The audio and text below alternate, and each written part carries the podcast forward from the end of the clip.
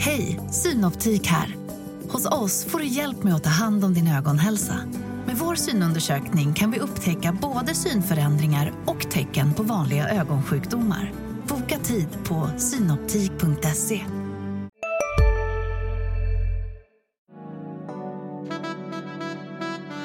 Du lyssnar på en podd från Närkes Allehanda.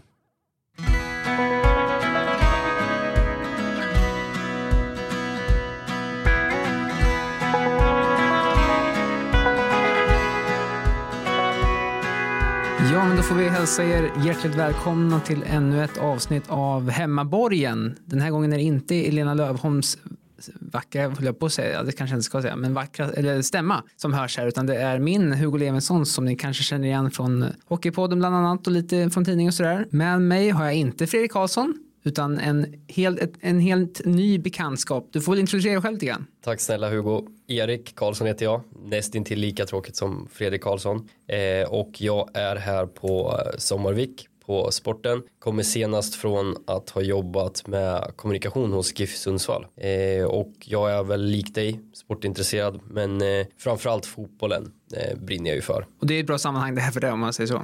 Verkligen, verkligen. Då har ni lite i alla fall vilka vi är. Vi har väl tänkt göra ett lite specialavsnitt den här gången. De, exakt samma segment som de brukar köra på Hemborgen kommer vi ta med. Men eh, det blir lite specialavsnitt det här. Eh, det har ju hänt lite grann den senaste veckan i ÖSK Eh, leden eller jag ska ryktesvägen åtminstone och jag tänker vi, vi startar lite grann där eh, lite med silly Jag vet inte, du har väl läst på eller följt nyhetsflödet du med Erik men eh, vi kan väl börja med Noel Milleskog situationen som kanske känns som den allra mest brinnande. Han är ju den, har ju varit den tydligaste, det tydligaste anfallsvalet för Christian Gärler centralt. Han, ibland har han fått sällskap av Jake och ibland har han spelat med en forward och sådär. Men, men han har ju varit första valet och hans kontrakt går ut som vi vet. Nu har det kommit uppgifter om att eh, det redan kommit bud på honom från BP och att det är fler klubbar i allsvenskan intresserade. När du först hörde de här nyheterna om eh, ja, situationen, vad, vad tänkte du då Erik? Jag är inte förvånad att det finns intresse från andra klubbar både i allsvenskan och jag kan nog tänka mig, eh, nu är jag inga säkra källor på det här, men att han säkerligen kan intressera andra klubbar utanför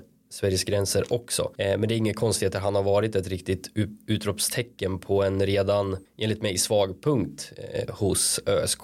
Så um, jag är inte förvånad och för ÖSKs skull så vore det ju bra om, om de lyckades behålla honom. Men jag tror att det blir svårt eh, när större klubbar kommer och knackar på dörren så. Ja, det var ju även, jag pratade själv med Christian Gäll om det här och eh, där hörde man lite ett, eh, en liten förändring i, i vindarna i att eh, senast när Fredrik pratade med Lars Larsen så var det att de hade, de för, hade förhandlingar med Noel och de försökte förnya kontraktet och nu var det snarare så att eh, slog fast att de inte har några pågående förhandlingar med honom om förnyat kontrakt och det känns ju som att det visar ännu mer på att han är på väg bort redan nu i sommar. Eh, men de klubbarna som det har kommit ut är intresserade, i alla fall enligt våra uppgifter, är ju eh, förutom BP och även Sirius och eh, IFK Norrköping. Om man ser till de tre klubbarna, vart tror du liksom, var hade, var hade Noel passat bäst in om vi ser till ur hans synvinkel? Jag tror ju att han, eh, att han hade kunnat mäkta med och konkurrera i alla lag. Kanske eh, svårast konkurrens i Norrköping eftersom man har väldigt starka alternativ där, framförallt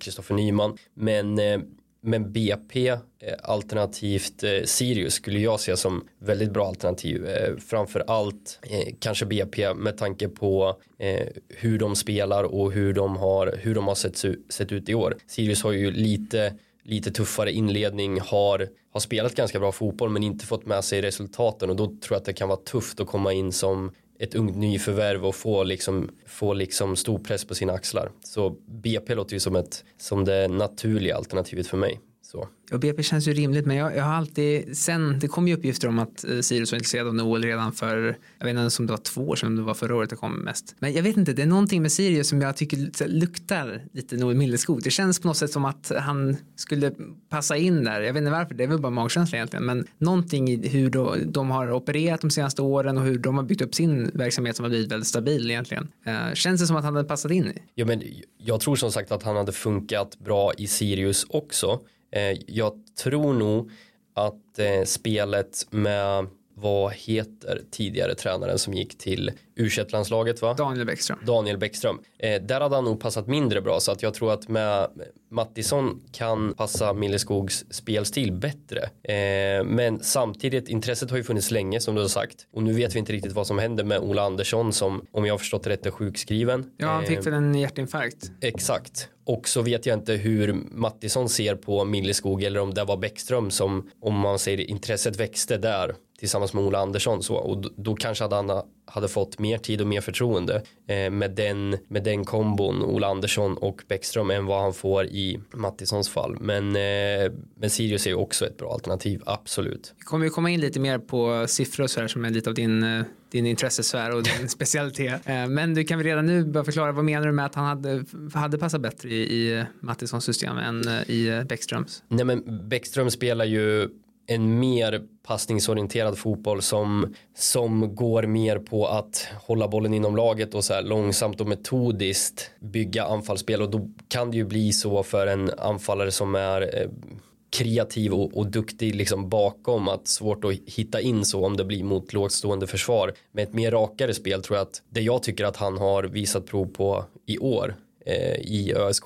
Det tror jag att han skulle kunna passa in bättre i, om vi säger Sirius eh, 2023. Om vi ser till eh, ÖSKs del, liksom, eh, det har ryktats om ganska flitigt de senaste dagarna om att Kalle Holmberg, tidigare ÖSK och Örebroaren, kan vara på väg in då, kanske som ersättare till Noel. Vad vet jag, jag vill inte slå fast någonting, men sättet som gäller och de andra har pratat på så är det ju snacket att det är en ut, en in som gäller för ÖSK det fönstret. Den, om, om, om, det, om vi ser att det skulle ske, att Milleskog försvinner och Kalle Holmberg kommer in istället. Är det ett skifte som skulle kunna elevera ÖSK den här säsongen eller är det ett negativt skifte eller hur, hur ser du på det? Kalle Holmberg är ju en, är ju en klassspelare i, i, om vi, i superettan mått mätt. Så, och även i allsvenska lag så han går in i många, många allsvenska lag och gör ett bra jobb. En förändring med, med Kalle Holmberg, även om Milleskog också kan kombinera och sådär. Jag tror att man kan få ut ännu mer av, av Holmberg och eh, utnyttja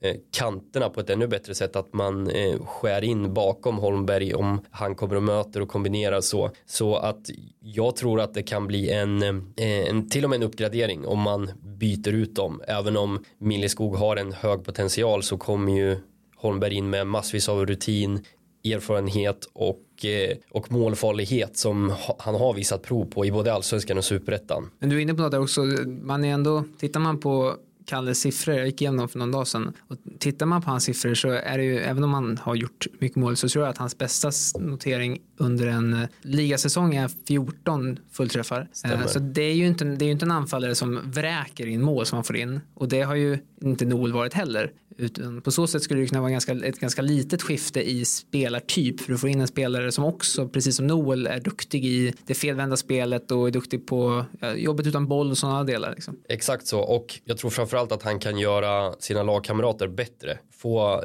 Jake Larsson som, att blomstra ännu mer och hans, eh, hans erfarenhet och smartness. Om jag drar en parallell och ser, jag har ju sett sett om man säger etablerade rutinerade anfallare som Pontus Engblom, Linus Hallenius, de här små detaljerna som de jobbar på och varför man ser varför de är bättre än många andra anfallare att precis innan en, eh, en duell trycka till sin försvarare lite eller precis innan en mottagning göra så att försvarsspelaren blir lite, eh, lite i obalans. Sådana där grejer. Jag tror att Holmberg som en etablerad anfallare sitter på mer sådana i sin verktygslåda än en ung anfallare. Och det kan passa bra i en, eh, i en superettan-serie som är jämn och det finns många, enligt mig, grislag så. Så det kan, eh, sånt kan bli nödvändigt med erfarenhet och smartness faktiskt. Sen känns det också skönt att, för i Noel har man haft en egen produkt och han är örebroare och lite lokal förankring liksom. Eh, det känns ju också skönt att man då i Kalle också får in en örebroare. Man behåller den lokala förankringen och även med honom får in lite liksom, rutin och även en spelare som har vunnit i sin karriär. Verkligen och, och en,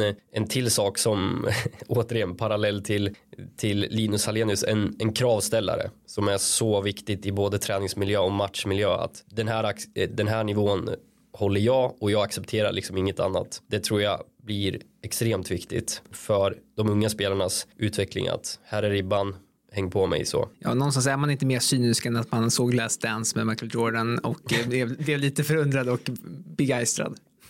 Ja men verkligen. verkligen. Ja, så är det. Och sen var det även lite, lite eh, det var Fredrik som hade skrivit den texten. Lite, det var lite snack om att det finns intresse även från MLS på Nordmilleskog. Mm. Det förvånar mig ändå lite grann. Det, alltså, hur har de hittat honom? Du, det frågar jag mig också. Och det känns ju som att MLS har ju vänt, vänt blickarna mer mot Europa. Så tidigare tyckte jag, mitt intryck att då var det mer på äldre spelare som var på, om man säger dekis så, kanske på väg ner i sin karriär eller ville testa på ett äventyr. Noel är ju ändå en spelare som har framtiden för sig och MLS växer ju men är ju och växer ju framförallt på, på ledarstaber och utveckling och så vidare och analys där är de ju väldigt skarpa men just att att eh, utveckla fotbollsspelare är de kanske inte eh, riktigt framme än men intressant ändå att de har eh, fångat upp honom. Ja, men vad, vad, tror, alltså, vad tror du det kan vara? För jag menar, även vi, alltså, så, vi som ser honom och sådär, det är ju en ung spelare, han har stor potential, han gör bra grejer liksom, men han, det är ändå i superettan och det är inte så att hans alltså, statistik i de kanske centrala kolumnerna som syns tydligast sticker ut något speciellt så. Eh, vad, vad tror du att det är hos honom som andra, som, eh, om vi säger att det är ett lag som är intresserade, vad, vad är det i hans ja, siffror får man nästan förmoda att det rör sig om. För jag tror inte de har sett så mycket alltså, matchbilder från Superettan direkt. Men vad, vad, är det hos honom du tror som lockar? Nej, men dels det du, det du pratade om tidigare att han likt Holmberg är är bra i det felvända spelet men också i eh, dit fotbollen går allt mer att det ska, det ska gå snabbt det ska, det ska gå rakt och eh, eh man kräver att att fotbollsspelarna idag behöver göra bra saker eh, i varje situation under lång tid. Och där, och där tycker jag ju att eh, Noel sticker ut. Och även i, i siffrorna så att aktion på aktion på aktion inte liksom vara stå och vara nöjd efter att ha inte vet jag dragit en klack. Så att det här eh, aggressiva intensiva eh, farten tror jag att de kan ha Eh, sätt att han sticker ut på. Så. Ja, vi kan ju börja smyga in lite grann på de där siffrorna också. För att eh, in i den här säsongen så var ju Christian Gärle väldigt tydlig i både utåt och även i, alltså i med intervjuer med oss och sådär om hur han ville spela och även vilka statistiska mätinstrument som är viktiga för honom. Och det är ju skönt för oss som journalister för då kan ju vi också väldigt tydligt följa också hur laget presterar i enlighet med vad han gick ut med att han ville se. Det är tydligt att mäta det. Och du har kollat lite extra på det här och grottat ner lite grann. Berätta, ja. berätta vad du liksom eh, kommit fram till. Nej men eh, det stämmer och, och som du nämnde, vi ska göra en liten utvärdering av Christian Järles tid i Örebro. Men det blir ganska riktat, alltså det blir, det blir fokuserat på vad han officiellt har sagt att han vill förbättra. Det övriga. Ja men det är det vi har att gå efter också. Ja, ja men precis. Och det han pratade om innan säsongen var ju framförallt tre saker och det var ju aggressivitet, intensitet och vinna bollen högre upp i planen. Så vi har, gjort, eh, vi, har tagit oss friheten och gjort en egen tolkning av vad aggressivitet, intensitet och vinna bollen högre upp i planen faktiskt innebär. Eh, och jämfört några pa parametrar denna säsong mot förra årets säsong. Och förra året hade han ju tio matcher, eh, de sista tio matcherna och så har vi jämfört med de ÖSKs senaste tio matcher. Och det vi ska ha i beaktning är ju att det här är ett väldigt litet underlag.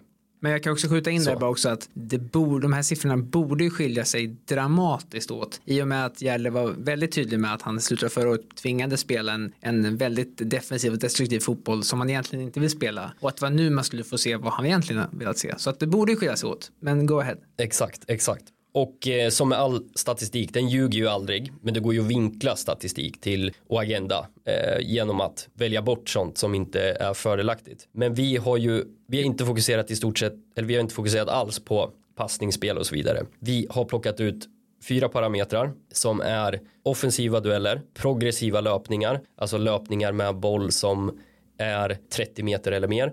Eh, och sen har vi tagit med kontringar, eh, antal, antal kontringar och hur många kontringar som eh, genomförs med avslut. Och så slutligen eh, PPDA. Och PPDA är ju ett, ett, ett mätverktyg om vi ska förenkla väldigt mycket, hur lång tid det tar innan ÖSK återerövrar bollen av motståndaren. Det står för passes per defensive action va? Snyggt Hugo, Så helt, är väl- helt rätt. Så, så man vill ju ha en låg siffra där. Men om, om vi börjar med Men det är väl om man bara ska säga, det, det är väl bara, det är väl eh, antal passningar som motståndarna hinner slå inom laget innan man genomför en lyckad defensiv aktion. helt rätt, bra förtydligande, snyggt. Om man ska dumma ner lite grann. Mycket bra, det gillar vi. Eh, ja, men i alla de här fyra fallen vi har valt ut och det har vi inte, eh, det kan vi inte veta på förhand. Men där har faktiskt eh, Gärdes siffror förbättrats. Om vi tar eh, 2022 så hade, genomförde man 11 stycken kontringar med 6 avslut. 2023 genomförde man, eh, eh, har man hittills på de senaste 10 matcherna 17 stycken kontringar med 10 avslut. Så nästan en fördubbling av att man ställer om, man är snabba i kontringar. Det är totalt sett va? Totalt sett, exakt. Och sen om vi går på offensiva dueller så är det en eh, liten skillnad. Eh, var på 68 per match och man vinner eh, 26 per match 2022. I årets upplaga av ÖSK har vi 74 offensiva dueller och man vinner 30 stycken per match. Så en liten förbättring. Och om vi går till PPDA, det här mätverktyget som Hugo briljerade med, så hade man en siffra på 14,6 2022 och i år 12,8. Så där har man minskat ett, ett hack. Slutligen, Det är ju intressant. det är intressant. Och slutligen är det en ganska markant skillnad i progressiva löpningar per 90 där man har gått från siffran 13 till nästan 18. Man, eh, man driver bollen mot motståndaren under längre sträckor och det indikerar ju på att man faktiskt måste ha pratat om det här att skapa ett intensivare Hej, Ulf Kristersson här. På många sätt är det en mörk tid vi lever i. Men nu tar vi ett stort steg för att göra Sverige till en tryggare och säkrare plats. Sverige är nu medlem i Nato. En för alla, alla för en. Vi är specialister på det vi gör, precis som du. Därför försäkrar vi på Swedea bara småföretag, som ditt. För oss är små företag alltid större än stora och vår företagsförsäkring anpassar sig helt efter firmans förutsättningar. Gå in på swedea.se företag och jämför själv. och aggressivare ÖSK. Ja, och det tyder, tyder väl även på det han har varit tydlig med att vi, vi, vid det här laget, vi vet ju alla om att ÖSK var ett väldigt undertränat lag 2022 och att de har tränat betydligt mer löpning och försökt öka antalet löpningar för match, per match och sådär. Eh, och det om något tyder ju på att man springer mer med bollen åtminstone. Men precis, och jag var ju, jag var ju här ute på praktik då när de, till skillnad från GIF Sundsvall, hårdtränade där inför julen. Och det var ju verkligen hårdträning med dubbla pass och eh, man fokuserade verkligen på, på fysiken. Men i slutet av dagen så handlar ju faktiskt fotboll om att vara bäst i de båda straffområden och där har ju inte ÖSK varit tillräckligt bra hittills. Vi kan ju hänvisa till massa läckra siffror utan, utan att liksom eh, hänvisa till några poäng och man kan ha usla siffror i underliggande statistiken och rada upp tre poängare. Så det handlar ju faktiskt om att ÖSK på något sätt behöver bemästra och bli bättre i framförallt i det offensiva straffområdet. Man är, man är ju duktiga på att ta sig in i motståndarens straffområde också och man borde ha gjort mer mål än vad man har gjort. Så att kan man på något sätt behålla de här parametrarna vi har pratat om men skruva på slutprodukten då kan det ju utveckla sig till något ställ- ri- då ställ- riktigt bra. Då ställer jag en, en vad ska man säga, en, en, en dum enkel fråga. Kommer Kalle Holmberg vara bättre på det och tillföra mer till ÖSK än vad Nord Milleskog har gjort om det skiftet sker? Jag tror ändå det. Med all respekt så är, så är tycker jag årets superettan sämre än vad jag trodde. Och då tror jag en sån spelare som Kalle Holmberg kan bli, kan bli ett rejält tillskott och tillföra ännu mer än vad Noel gör. För att det skiljer inte mycket mellan botten och toppen och det känns som att alla lag slår alla. Det görs mycket mål på, på fasta situationer och det är inte så mycket spelteknisk så här briljans utan det är, det är duellspel, fasta situationer och, och mer när lagen är desorienterade och det tror jag att man kan få nytta av en sån spelare som Holmberg, verkligen. Och ser man då till att eh, Noels kontrakt går ut och att det här är absolut sista chansen att få pengar för honom om man inte lyckas förlänga så känns det ju som en otrolig win-win att då faktiskt sälja honom i sommarfönstret om det finns en möjlighet att få in Kalle Holmberg. Exakt, och vi har ju den, det är bra att du nämner det Hugo, för att precis som du nämner, det är, det är, det är nu eller aldrig om man ska få få cash för Noel och där om vi blickar så här historiskt där har väl också ÖSK någonting att utveckla att faktiskt ta betalt för sina spelare och inte, inte låta dem lämna gratis. Så att jag tror att det vore en väldigt bra lösning om det går att få till och att inte Kalles sign-on springer iväg allt för mycket. Vi vet ju inte, alltså han kanske begär hur mycket som helst och han kanske begär en schysst ny VB-grill. Man kan hoppas på det sistnämnda. ja, ja, det är sant. Det, vore, det vore ju generöst om, om det hände faktiskt. Ja. Rätt. Eh, men om vi backar tillbaka lite grann då. Du drog igenom siffrorna som du har dragit ut lite grann. Om man ska se på de siffrorna mer över, över, överläggande, liksom så här, vad, vad, vad kan du som ändå är van att leta bland siffrorna, vad kan du läsa ut av genom de siffrorna om ÖSK 2023? Det man kan säga är ju att det Christian har velat förbättra har han förbättrat. Sen har det inte varit tillräckligt för att ta, ta antalet poäng han vill och det här kan låta konstigt men jag tror, jag tror att det här spelet hade passat bättre i allsvenskan än vad det gör i superettan eh, för ÖSKs del. Men som sagt, det handlar om i, i slutet av dagen att det handlar inte om att ha fina siffror i underlig, underliggande statistiken. Det handlar om att ta vinster, göra mål, hålla tätt bakåt och där har ÖSK saker att jobba på. Men över tid tror jag att det här kan bli bra. Det är ett ungt lag, det är, det är en organisation som också är under under förändring. Så uh, jag tror att det kan bli bra över tid men det handlar om att vässa framförallt eh, slutprodukten i offensivt straffområde. Där behöver man eh, skruva på saker. Eh, vi har ju lite fler sådär vad ska man säga, förändringar, eller sådär, eller den, en som är aktuell om man har, i den diskussionen om offensivt straffområde är att ja, Defisic framtid också är lite osäker just nu. Eh, som det lät begärligt så eh, ÖSKs ambition är att behålla honom även under hösten men som han också sa så ligger ju frågan, frågan ägs ju helt och hållet utav Atlanta eftersom han är deras spelare. Adefisic har inte fått så mycket chanser egentligen under Vårsången har kommit in lite grann, fick han gjort ett mål vill jag minnas. Förlåt mig om det är två, men jag tror att det är ett mål. Honom som spelare, hur, eh, hur ser du på Adefisic och eh, hans icke, vara eller icke vara i ÖSK? Jättebra fråga. Jag, jag ska villigt erkänna att jag aldrig har sett honom eh, live utan bara det lilla jag har förkovrat mig via liksom stat statistiska verktyg och så vidare och det jag har kunnat läst mig till, till om honom. Men han skulle ju kunna erbjuda ett annat hot i straffområdet men det skulle ju också förändra ÖSKs grundidé så. Sen är ju, sen är, har ju egentligen ÖSK starka kantspelare enligt mig som man skulle kunna utnyttja bättre och eh, dels då utnyttja fler inlägg och inspel som han skulle kunna förvalta på ett bättre sätt kanske än Noel så översikt. Men han har ju inte, han är ju inte riktigt prövad på den här nivån än. Så det kan ju vara mycket att begära och ställa liksom alla förhoppningar till honom också att han ska prestera så. Men om vi, om vi går till liksom hans bakgrund i ungdomsleden, hur, hur har de sett ut? Har du, har du koll på hur han har presterat där Hugo? Alltså han, ja, det kom ju upp li, lite lite någonstans från ingenstans. och alltså man,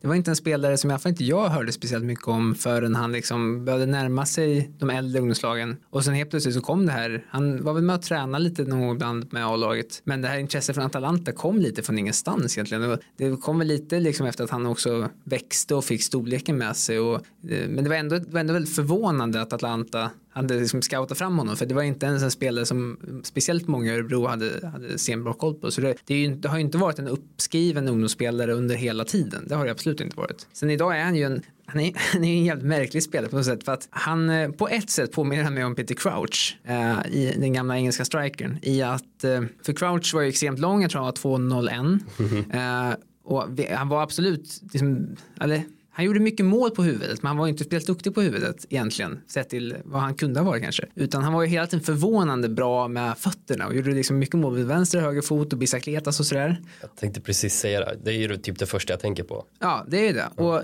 Adi på något sätt är lite likadan för att han kommer in med sin otroliga storlek och sådär och man på något sätt tänker sig att han ska vara liksom en tung centertank. Han ska vara liksom Akin Fenba på något sätt, liksom en beast där framme. Men eh, sett i storlek och styrka Men eh, men Adi har ju egentligen sina starkaste egenskaper i, i hur han kan vända upp med boll och hur han kan driva boll och han är väldigt teknisk som spelare. Så att det, det är en, det är en skum spelare som man inte riktigt vet vad man har känns det som. Ja exakt och han, det, inte helt och hållet men om vi säger berättelsen om honom påminner lite om nyförvärvet Hamse Shagaxlev från BK Forward. Han var ju jag hade i varje fall aldrig hört talas om honom innan han åkte till Italien och provspelade för om det var Spall. Kan vara Spall. Ja. Och sen eh, så redan då hade han ju italienska blickar på sig och sen kom ÖSK in i bilden och han är ju en intressant spelartyp att han har eh, att han har fysiken och samtidigt eh, förmågan att kunna driva driva med bollen och även göra sin motståndare som är det är väl egentligen priceless i dagens fotboll om vi ser på på allsvensk nivå, Ta Ali och så vidare framgångarna han firar nu när han har fått eh, utveckling, utväxling av Rydström och kunna vilket hot han blir. Så en spelare som kan göra sin gubbe, det tror jag verkligen är, kan bli bra på sikt. Sen behöver han också, precis som Adi, växa in i kostymen och behöva liksom Mm, vad ska man säga, sätta på sina eh, big boy pants i superettan. Så ja, det ska bli spännande att följa båda två faktiskt. Är italienska klubbar bättre på att scouta Örebro-talanger än vad ÖSK är? Ja, det, man får ju nästan intrycket av det ibland att den gemensamma nämnaren är att de börjar i Italien och sen hamnar de i ÖSK. Kanske till och med läser det här hos oss och sen nej. Nu. Nej, det är, det är men eh, ibland undrar man. ja. Men jag tror att ÖS, ÖSKs väg framåt är att, är att stå fast vid det man har sagt att man vill göra. Eh, om det är Gärder man ska satsa på för att det är hans tro. Eh, så det tycker jag att man ska göra. Men man måste eh, bli bättre på att förvalta sina chanser. Jag avskyr, avskyr eh, det här mätverktyget XG men det ligger ju på deras XG ligger på 19 som är väldigt högt och ÖSK har gjort 11 mål och det säger ju att det är en stor differens. Någonting, exakt, någonting felar när man kommer till chanser och man är bra på att ta sig dit men där behöver man ju skruva på någonting. Så, som du är inne på där, det, det tror jag också att eh, för alltså, Gärder är ju mannen som ÖSK satsar på och han ska leda ÖSK de kommande åren. Eh, och då känns det ju som en väldigt viktig grundbult och grundprincip i att hålla i sättet Järle vill spela på för att man ska försöka bygga en, en form av identitet som har saknats på många år i ÖSK. Samtidigt så är det väl lite att man måste slipa på de enkla grejerna som du var inne på, alltså bli bättre i båda straffområdena och på något sätt eh, spela med bönder på bönders vis på något vänster. Ja, eh, väldigt, väldigt bra uttryckt och sen en annan, eh, en annan sak som som jag tänker på i varje fall är ju också att hur hur beredda är, alltså vad är ÖSKs självbild? Är, är det att gå upp i år? Är det att kvala i år? Och om det, in, om det är det, kommer man stå fast när det börjar blåsa? För det, det blir också så viktigt om, om de ska tänka långsiktigt. Då behöver de etablera ett spel och en tränare de tror på som också håller för allsvenskan. Det räcker ju inte med att bara, bara gå upp. Det har vi ju sett gång på gång lag som håller en bra nivå i superettan men inte riktigt mycket mer. Och så här, vill man bli ett allsvenskt lag och räkna med då tror jag verkligen att tänka långsiktigt. Men det är ju det absolut svåraste som finns i framförallt i fotboll. Framförallt när det blåser att våga liksom stå fast vid sin idé och det man vill göra. Ja så är det ju och, men eh, på något sätt så, så, hoppas jag ju inte. De har absolut, alltså, till skillnad från svansföringen in i första året i Superettan när man var tydliga med att man skulle studsa tillbaka direkt och sådär vilket sen blev någon form av Vasa-förlisning liksom, på Jungfrufärden. Så, så har de ju hållit nere svansen rejält den här gången. Och eh, har ju inte snackat om något utan det, de ska gå upp men det får ta den tid det tar. Och det, det känns ju också skönt att de har gjort det med tanke på att de ligger på negativt kval just nu. Ja, men verkligen. Och jag, jag tror att det kommer vara nyckeln i om, om man låter det där eh, om man låter det där bli etablerat i organisationen att, att vara att ändå vara stolt över sin historia och så vidare men vara ödmjuka inför uppgiften att det kommer krävas saker av oss också om vi ska, vi ska komma dit vi vill en dag. Ja, just nu har ju laget eh, lite sommarledighet och de är iväg lite olika. Jag tror Gärdle var ute i någon sommarstuga och några vet jag nere i Marbella och sådär. Det är lite spridda skurar. Men sen får vi se lite grann, det ska bli kul att se laget när det åter, återsamlas för det, det skulle ju kunna bli en rejäl vad ska man säga, reunion, alltså riktigt rövarband som ses igen. För eh, Ahmed Yassin är ju hemma, som jag, Fredrik pratade om i förra podden, han hade stött på honom och eh, vad jag förstår ska vi vara med och träna med laget i början. När jag pratade med Ilan Hamad så sa han att han skulle vara lite sugen och var, skulle ta, snacka med Järdler tror jag om att vara med och träna i början. Eh, Jakob Rinne har ju varit med och tränat, han var med förra året, de var med innan det också på sommaren och tränade. Hur det nu blir med Kalle Holmberg så har ju, har ju går åtminstone hans kontrakt med eh, den eh, klubben på Malta ut så han kanske också är med och tränar liksom. Eh, Även om, han, även om det inte blir någonting i ÖSK kanske han är med och tränar. Så det, det skulle kunna bli ett stort gäng som är tillbaka och kör med laget. Exakt, och sen har du ju redan sedan innan Kevin Walker och så, och så vidare. Så det, det kommer ju, ja, det kan, bli, det kan bli väldigt intressant att se. Men eh, Visst gick Mårtenssons kontrakt också ut? Så att eh, där har du också en. Det blir en stor reunion. ja, det, hade varit lite härligt att se då. Mm. DG kanske kommer ner. Ja, ja, ja. Men den enda egentligen som är, om du får spekulera Hugo, den enda egentligen som är aktuell där för återkomst är väl Holmberg? Eller skulle du säga att någon annan av de här vi nämnde skulle kunna tänka sig en Eh, återkomst? nej, inte, inte Ilan Hamad och inte Ahmed Yassin. Alltså Yassin har ju kontrakt med den saudiska klubben. Mm. Uh, Gilles kontrakt har gått ut men det, det är ju inte en möjlighet för någon inblandad. Eh, den som skulle kunna vara aktuell är väl någonstans Johan Mårtensson. Men Järdler har varit tydlig med som sagt att det är en ut, en in.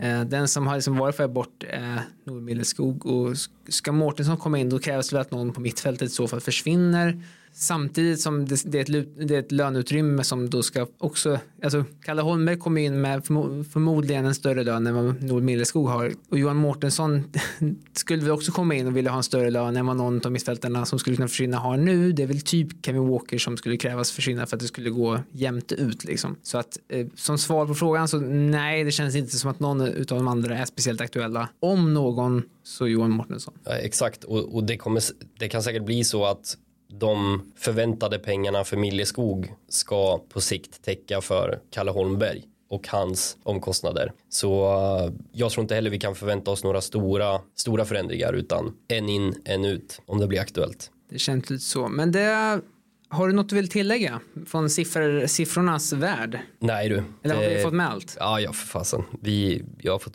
breda ut mig så du, nu är det bäst att vi stänger ner sifferbutiken tror jag. Nej, men vi har ju dissekerat siffrorna här och kommit fram till att eh, de ska hålla fast i sin tro och samtidigt kanske i vissa delar spela mer som eh, spela mer med bönder på bönders vis och bli lite mer ruffiga och eh, mer kliniska i eh, offensivt straffområde och, även kanske lite mer eh, eh, rensiga på så sätt i defensivt straffområde. Ja, nej men det, jag, jag, tycker det är det bästa eh, vi har sagt, eller du har sagt under det här, spela på bönders vis. Det, det låter som en sammanfattning av, av superettan. Alltså, ja, det gör verkligen det. Av, det gytte, av den gyttjan som är superettan annars. Ja, det, vill man spela taktiskt eh, så känns det ju närmare just nu att det blir derby med Örebro Syrianska ettan än att det blir eh, spel i allsvenskan. Lite så, lite så faktiskt. Ja men du, med det får vi väl eh, avrunda det här och tacka så mycket för vårt lilla inspel i, i hemmaborgen. Stort tack för att du eh, hängde med Erik. Och, och välkommen till Sporten så ni lyssnare får hänga med, hänga med Erik under hela sommaren nu. Tack själv Hugo och eh, tack för alla som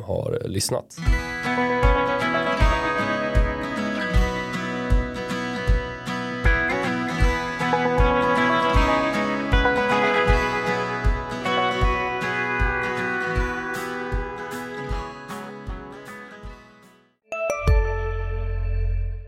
Hej, Synoptik här. Livet med glasögon ska vara bekymmersfritt. Därför får du 30% på alla glasögon när du väljer Synoptik All Inclusive. All service ingår alltid. Välkommen till Synoptik. Big Mac har miljarder fans över hela världen. Under mer än 50 år har den skapat popkulturell historia. En legend med 100% nötkött och den mytomspunna såsen. Nu finns Big Mac för bara 39 kronor på McDonalds.